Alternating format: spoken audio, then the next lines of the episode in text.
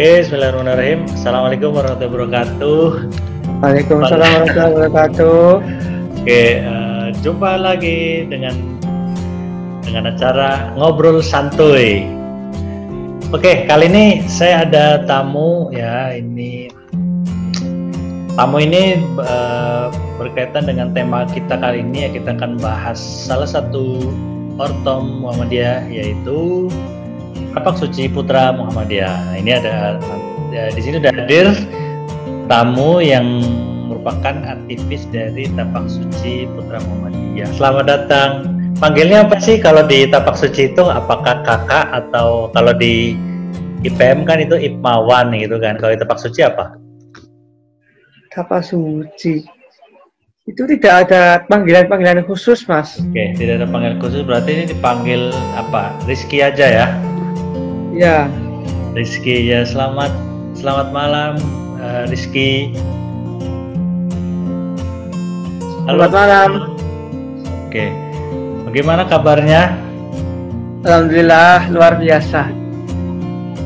Sekarang di mana ini uh, sedang? Sekarang ini ada di sebuah rumah tempat saya bekerja di Kalimantan Utara, Tanjung Selor tepatnya.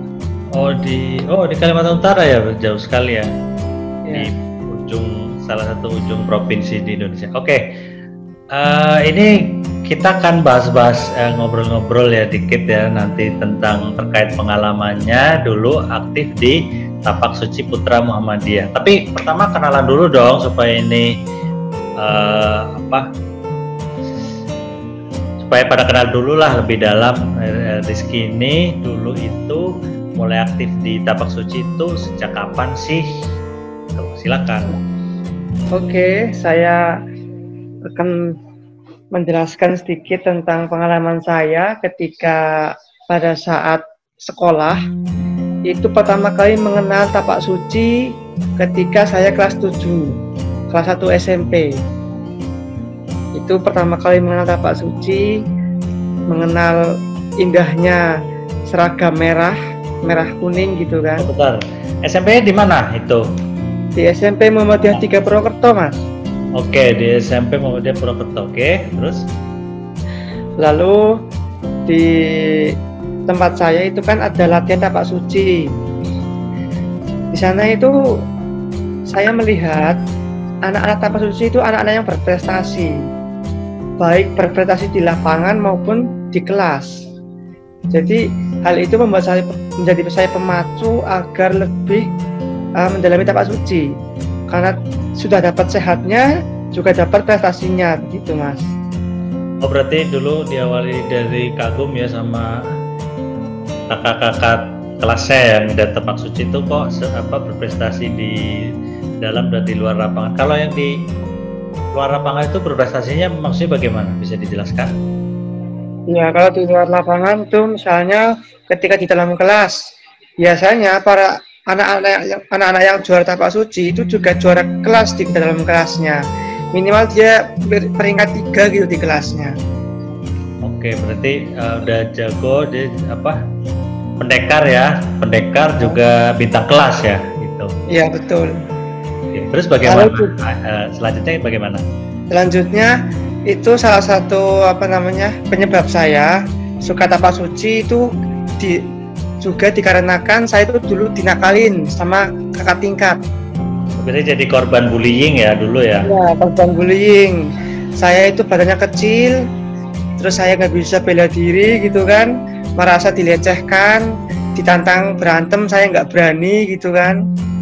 Akhirnya saya memutuskan untuk belajar belajar tapak suci agar nantinya tidak apa ya tidak ngisi-ngisi ini gitu loh. Asal laki-laki ditantang gelut nggak berani gitu. Oke, oke. walaupun kalah yang penting kan ya berani dulu gitu kan. Terus berarti akhirnya bergabung itu kelas uh, ya kelas satu itu terus langsung ya kelas satu terus gimana dulu pengalaman awalnya ikut itu? Apakah langsung eh, lancar-lancar uh, saja apa banyak eh, kejadian-kejadian uh, yang cukup sulit di awal. Iya, banyak cerita di awal-awal tuh cukup sulit karena memang saya SMP kelas 7 itu badannya kecil. beratnya itu sekitar 30 berapa begitu kan. Tingginya Malah- berapa? cuma 31 apa 32 gitu. Kalau tingginya? Tingginya lupa itu sekitar 140 mas 40 berapa udah ada 150 berarti? Nggak ada 150 waktu pas SMP kelas 1 itu. Udah kecil gitu kan. Nah makanya ketika awal-awal masuk tapak suci yaitu apa namanya butuh proses baratnya kayak pas lagi latihan tuh bener-bener rekoso gitu. Badannya pada remak-remak semua. Lalu ketika ada event karena saya badannya kecil gitu kan saya nggak bisa ikut. Karena nggak ada Kenapa? kelasnya berarti karena nggak ada kelasnya itu, dulu. eh, teman-teman di ekskul itu pada ikut event tapi tidak bisa ikut sendirian? Iya, anda bisa ikut sendirian. Dikarenakan badannya saya itu masih kecil.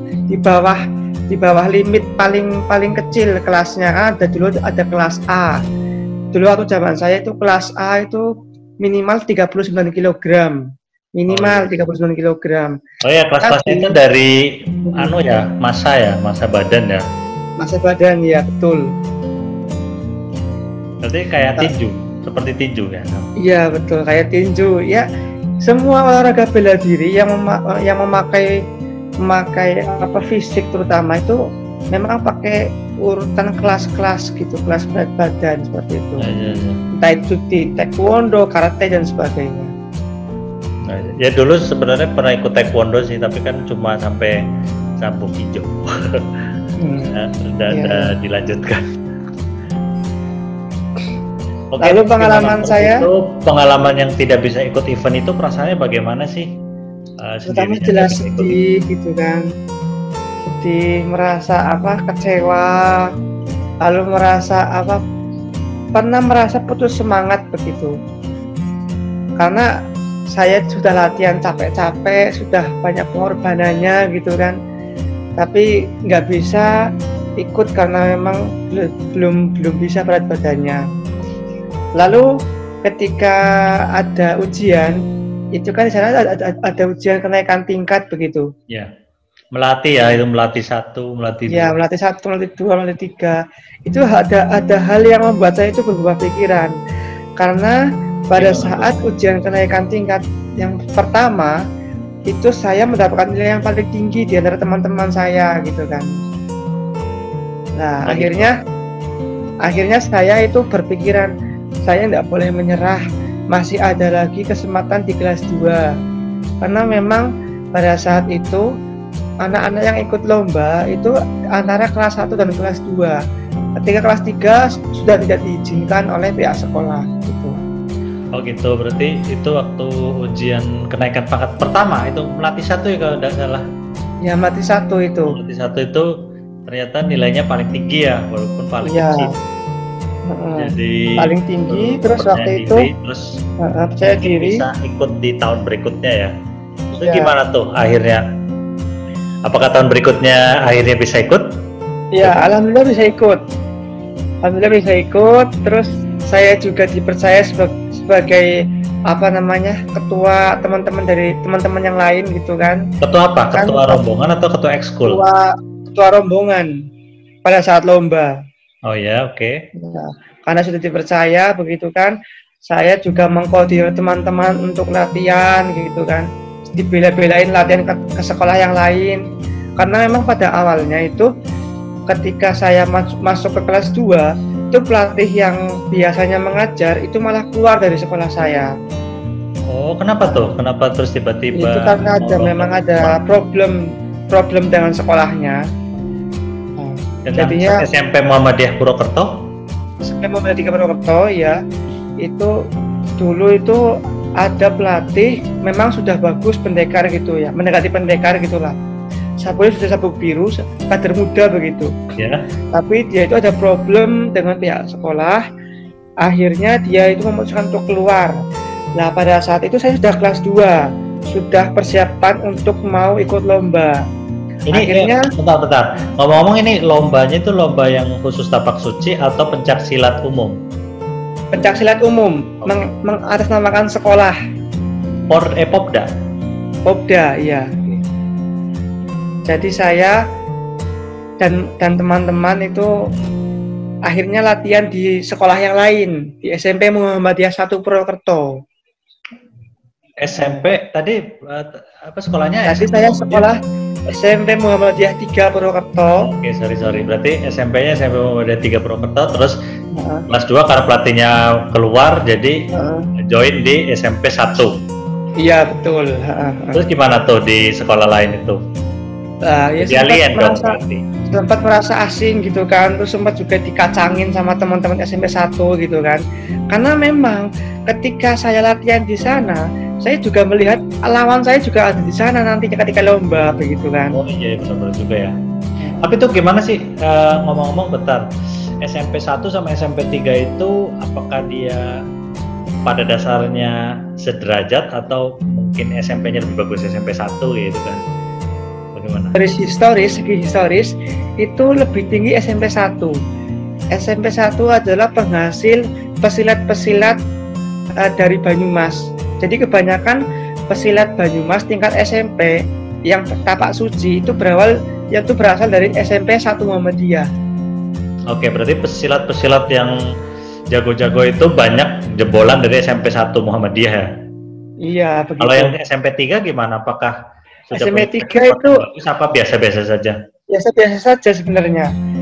Ya memang ada yang ada yang juara tapi hanya misalnya angkatan ini cuma satu yang juara. Angkatan depan cuma dua. Itu pun nggak nggak juara satu, ya juara dua, juara tiga begitu kan. Tapi kalau yang juara satu itu diborong banyak dari SMP 1 Muhammadiyah ya? Ya betul. Ha, ha, ha. Terus gimana tuh itu latihan di SMP 1 terus gimana suka dukanya latihan di sekolah orang? Ya latihannya pertama memang kita disuruh sabung. Kan kalau di kapal suci ketika ada pertandingan itu sebelumnya kan latihan latihan pertandingan gitu oh, iya. kan namanya sabung begitu sabung, kan ya sabung. Terus kalau yang seni itu kembangan. Iya betul. Ya. jadi saya disabungkan dengan atlet SMP 1 gitu kan Nah, karena memang saya belum rajin latihan, awal-awalnya sempat kalah gitu kan. Hal itu hal itu juga buat saya merasa apa khawatir nanti kalau sudah lomba gimana nih gitu kan. Tapi alhamdulillah dengan tekad saya yang kuat dan diiringi oleh doa, akhirnya ada kebijakan dari pimpinan pusat, eh pimpinan pusat, pimpinan Tapak Suci cabang Banyumas, pimpinan daerahnya begitu kan. Iya ya melihat pimpinan uh, tingkat Banyumas ya. Iya, Pimda. Kalau di Tapak Suci itu Pimda, Pimda Tapak Suci Banyumas. Melihat kengototan anak-anak SMP Muhammadiyah 3 yang semangat untuk berlatih walaupun tidak ada pelatih. Walaupun di akhirnya ya. Uh, uh, akhirnya dihadirkan pelatih yang memang baru sebenarnya. Tapi pelatih itu memang baru, tapi dia adalah murni murni atlet jadi walaupun dia sudah melatih saya, tapi dia juga masih jadi atlet, atlet kebanggaan Banyumas. Bentar, bentar, bentar. Tadi uh, pelatih yang murni atlet, emang berarti ada pelatih yang tidak murni atlet, itu, pelatih campuran. Jadi uh, intinya pelatih kalau kan ada pelatih yang sudah jadi guru gitu kan, sudah nggak sudah nggak jadi atlet lagi gitu kan. Oh, berarti dia itu benar-benar pekerjaannya itu memang 100% pencak silat ya gitu ya? Iya, iya.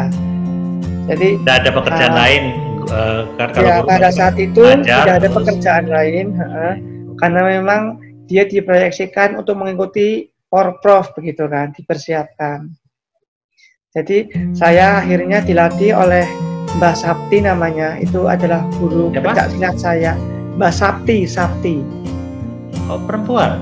Iya perempuan menarik juga ya perempuan ternyata pelatihnya itu gimana ya. tuh Mbak Sabti akhirnya Iya dia itu kalau kalau ngedidik saya itu benar-benar tanpa ampun ibaratnya sintayongnya lah sintayong sintayongnya saya itu dia itu apa itu sintayong itu apa maksudnya maksudnya kan kalau di sepak bola itu kan pelatih sintayong yang dari Korea itu kan sangat mementingkan fisik gitu kan.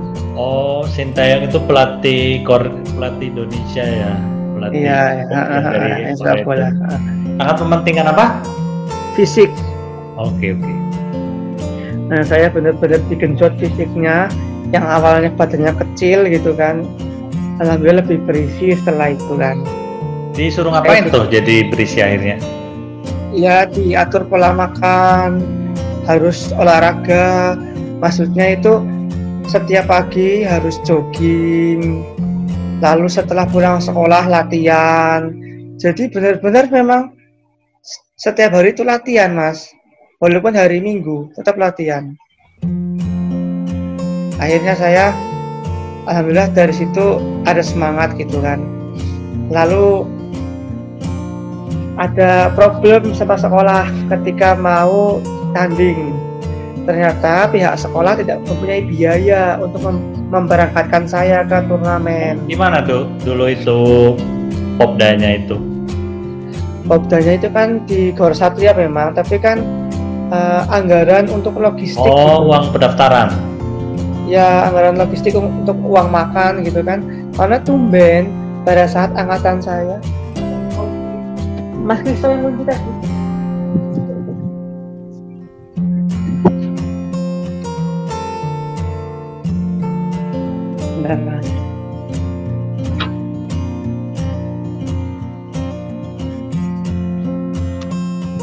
Halo? Saya kita mulai lagi? Ya. Ya ya ya lanjut. Itu ada ada problem dari sekolah soal anggaran. Jadi pada saat berangkat itu tidak dibiayai sepenuhnya karena biasanya dari sekolah itu hanya mengirimkan dua wakil atau tiga wakilnya ke Popda. Oke. Okay. Tapi karena saya memang semangat untuk mengkoordinir teman-teman, alhamdulillah di angkatan saya ketika Popda itu ada 10 atlet yang siap berangkat. atlet yang lolos atau memang ya, dari awal mengirim untuk uh, yang lolos untuk ke tingkat tingkat kabupaten. Oke oke oke. Berarti ini kan anu kan karena udah diseleksi itu ternyata udah banyak kan untuk tahun itu bukan iya. karena oh eh, ingin ngirim sebanyak-banyaknya tidak kan? Tidak. Uh, Alhamdulillah. Terus sekarang jadi 10 ya berarti lima kali lipat. Iya. Uh, yang biasanya cuma beberapa kelas gitu kan. Tapi ini alhamdulillah dari kelas A sampai kelas FG, okay. F berarti ya kelas F itu ya ada beberapa yang kita yang mengikuti gitu dan cowok cewek nggak nggak hanya cowok saja oke okay. Terus gimana tuh uh, rombongan itu yang banyak cukup banyak gitu alhamdulillah kita saling menyemangati gitu kan. Ketika ketika teman-teman sedang bertarung kita menyemangati di pinggir di pinggir gelanggang gitu. Ya alhamdulillah tidak tidak terlalu menyesal. Kita berhasil mendapatkan tiga medali emas. Termasuk saya juga medali emas alhamdulillah. Di tapi ngomong-ngomong tadi yang level-level itu uh, aku nggak terlalu ngerti itu bisa dijelaskan. Level A itu berapa itu oh ya kalau untuk zaman saya itu berat 39 kg sampai 41 kg itu masih masuk kelas A. Kelas A itu paling berat atau paling ringan? Kelas A itu paling paling paling rendah. Oh paling ringan? Paling ringan ya. Oke. Okay lalu ada kelas B. Pokoknya selisih berat satu kelas dengan yang lain itu selisih 3 kg berarti itu yang kelas yang paling berat itu F itu berapa? 3 kali 5 iya. 15 berarti hmm. uh, 55 iya. Ya untuk ukuran SMP gede juga ya 55 iya itu maksudnya bongsor itu yang kelas F. 55 ya kalau SMP ya gede sih. Oke oke. Berarti terus akhirnya juara satu ya dapat medali emas tingkat Banyumas? Iya tingkat Banyumas. Lalu dipercaya mewakili okay. Karesidenan Banyumas oh, kan oh Karesidenan bukan ini bukan kabupaten jadi kalau di tingkat Popda kebetulan Banyumas dulu kan adalah suatu karesidenan besar ada Kabupaten Purbalingga, Kabupaten Cilacap gitu kan. Jadi sebelum maju ke tingkat wilayah, itu kami para juara-juara Banyumas itu bertanding dulu melawan uh, yang selevel dengan kami di tingkat karis Banyumas. Jadi seperti Banjarnegara, Cilacap, Purbalingga, kita dia dulu. Nah, Oh, berarti lomba lagi tingkat karesidenan kan? Iya. Tingkat kecamatan pertama kita lolos kecamatan, kabupaten kita, kita juga lolos. Lalu yang yang yang selanjutnya itu karesidenan. Oke. Oke, dari tingkat karesidenan, alhamdulillah saya bisa lolos di uh, dari kualifikasi pertama melawan Cilacap. Alhamdulillah saya bisa lolos mengalahkan Cilacap, tapi unfortunately di final saya kalah dengan Banjar, Banjarnegara. Berarti juara dua di tingkat karesidenan. Iya, dikarenakan saya hanya kalah satu poin saja dari Banjarnegara. Kurang beruntung. Oke oke. Berarti nggak ke provinsi dong? Atau tetap? Iya, belum belum saatnya ke provinsi. Berarti hanya satu juara satu toh yang ke provinsi Jawa Tengah. Iya, betul sekali. Oke oke oke. oke. Tapi gimana terus tanggapan dari sekolah ter, eh, apa? Iya, itu adalah satu pencapaian yang sangat tidak terduga. Karena kami memang jarang sekali ada atlet yang juara satu di tingkat Banyumas. Muhammadiyah tiga Purwokerto ya. Nah, Muhammadiyah. Karena biasanya yang juara satu itu dari anak-anak SMP 1 Muhammadiyah. Lah emang kalau eh, bentar pencak silat itu kan tidak hanya di sekolah Muhammadiyah kan? Kenapa di sekolah lain itu tidak ada yang eh, maksudnya kenapa tadi katanya kan yang paling cukup menonjol itu SMP Muhammadiyah 1 kan? SMP Iya. yang lain itu kurang menonjol di pencak silat toh berarti. Kurang. Di Banyumas itu memang masih dikuasai oleh tapak suci. Oh, Memang ada pusaka kusuma, ada merpati putih, tapi untuk tingkat SMP itu masih dikuasai oleh tapak suci. Oke. Tapi beda mungkin cerita. ini ya. Maksudnya banyak yang dari aliran pencak silat lain itu mereka sudah besar-besar mungkin ya gitu ya. Iya, mereka itu lebih fokus ke tingkat SMA. Oke. Untuk tingkat tingkat SMA memang diakui SMA Muhammadiyah itu sekali untuk bisa juara satu. Gimana? Paling SMA SMA Muhammadiyah cukup sulit, kesulitan kalau sulit- kesulitan karena kalah dengan negeri. berarti Aku memang juga- banyak itu dari apa? Dari sekolah lain, se- sekolah non Muhammadiyah itu mereka startnya itu dari SMA ya. Mereka mulai terjun ke dunia pencaksilat dari SMA. Iya, bahkan juga yang juara di SMP itu mereka kurang tekun di ketika lanjut ke tingkat SMA. Oke, oke. Akhirnya mereka tidak bisa mempertahankan juaranya ketika di SMP dulu. Sayang juga ya berarti sebenarnya di tingkat SMP itu udah dikuasai Muhammadiyah, tapi waktu SMA itu uh, malah di malah mereka turun dan muncul. Iya. Nah ini adalah problem itu regenerasi mas. Ketika sudah di SMP itu kurang ada perhatian dari Pimda, Oh iya. kurang ada follow up latihan begitu mas. Terus itu kenapa? Maksudnya eh, mengalami sendiri dong kan sebagai eh, mantan juara di SMP itu kan seharusnya SMA bisa juara juga kan, lebih berpotensi Iya. juara juga. Tapi gimana dulu pengalamannya? Apakah di SMA tetap berprestasi atau memang turun atau memang eh, banyak eh, newcomer newcomer yang memang dia baru tetapi bisa langsung melejit kayak gitu? Ya saya mengalami sendiri. Ketika SMA saya Oda tapi saya sayang sekali saya tidak bisa sampai ke final. Karena memang banyak sekali newcomer newcomer yang mereka itu dari perguruan lain. Tapi mereka sangat prepare sangat prepare gitu loh. Mereka walaupun dulu di SMP kalah tapi ketika di SMA itu permainannya lebih bagus ketimbang di SMP dulu itu. Jadi uh, kita kurang kurang pelatih juga. Karena memang pelatih di Banyumas itu kurang untuk yang jadi kendalanya karena memang regenerasi pelatih. Lalu yang kedua persiapan yang memang kurang. Perhatian dari Siapa itu maksudnya? latihannya kalau mereka yang latihan kayak seminggu tujuh hari, tetapi yang lain yang dari tadi SMP, eh, yang dari sekolah-sekolah Muhammadiyah jadi kurang kurang banyak latihannya gitu. Apa gimana? kurang di kurang apa namanya kurang sabung ibaratnya. Kalau misalnya SMA Oh, negeri itu kan sparringnya kurang. sparringnya kurang ya. Jadi untuk pengalaman di gelanggamnya itu kurang. Ya memang tidak memungkiri di Purwokerto itu SMA Muhammadiyah hanya satu.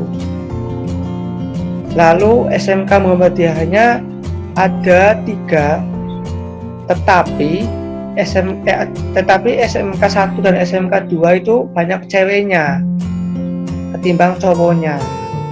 Nah, apa oh, sparring itu karena ini maksudnya sparring dengan antar siswa kan?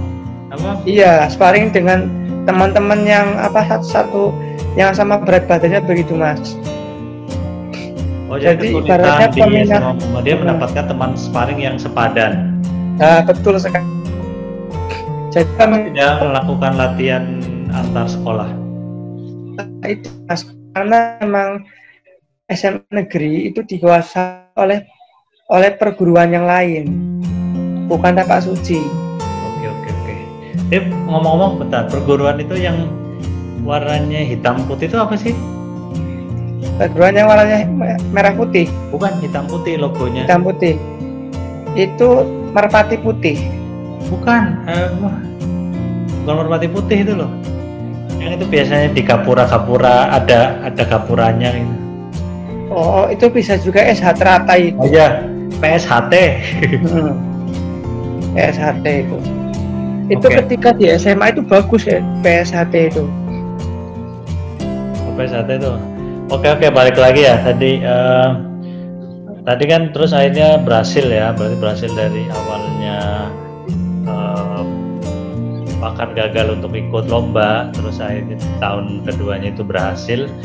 Terus bagaimana re- reaksi atau respon dari teman-teman mungkin atau dari teman sparring tadi di SMP Muhammadiyah satu itu bagaimana? Kayaknya menarik nih kalau eh, diceritakan.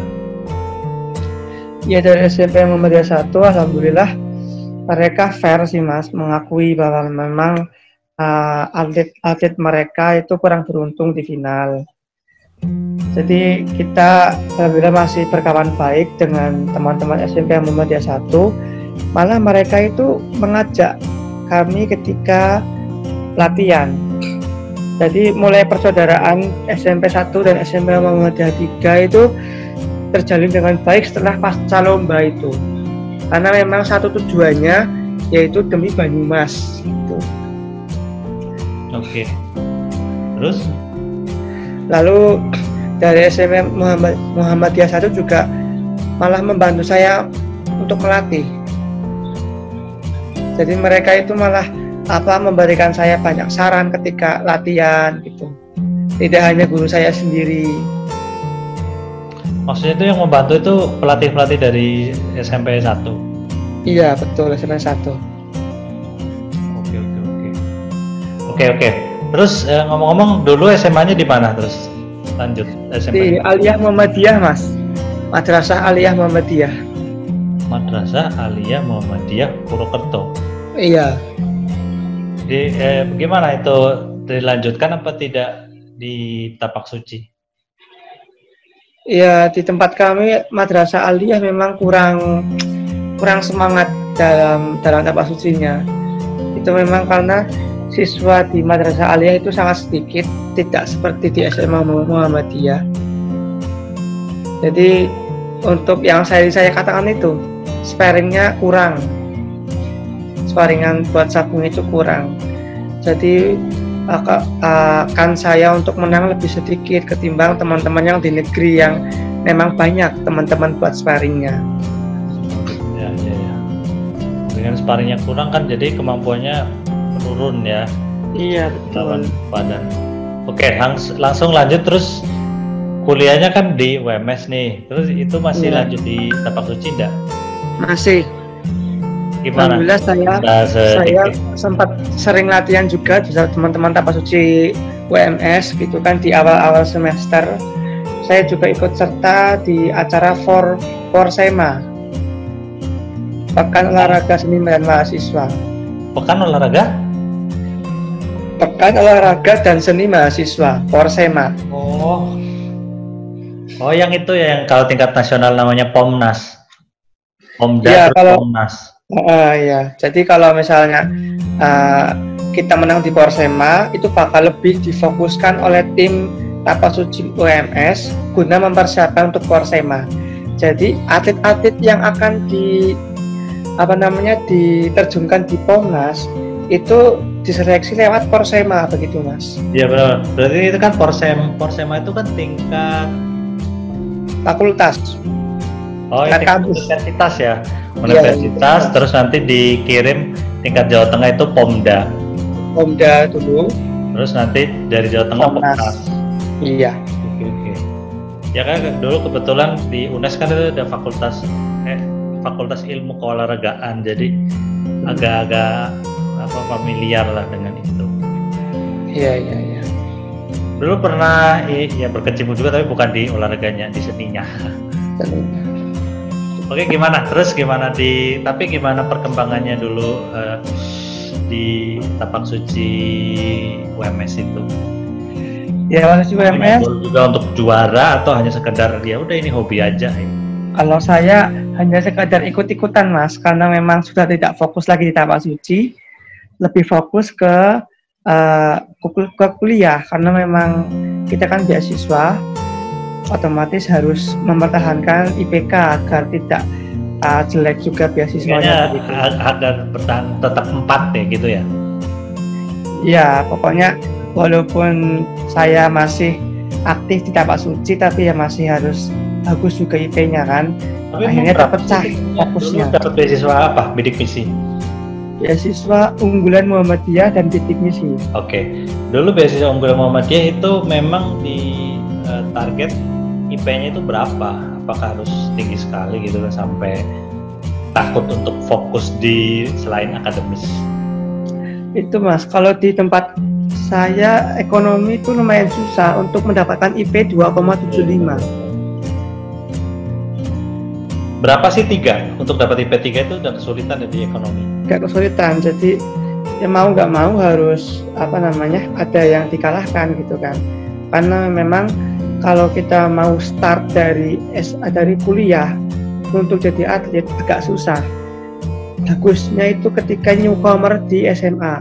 Ketika SMA sudah juara satu dan sampai ke tingkat nasional, otomatis di kuliah juga mereka bakal juara satu lagi begitu. Oh berarti kayak waktu kuliah itu udah punya pikiran bahwa Allah ya udah kuliah itu kayak it's too late ya gitu ya. Udah hmm. lambat kalau memang mau uh, menjadi atlet profesional gitu. Iya betul. Padahal kan juga maksudnya udah mulai dari SMP juga kan.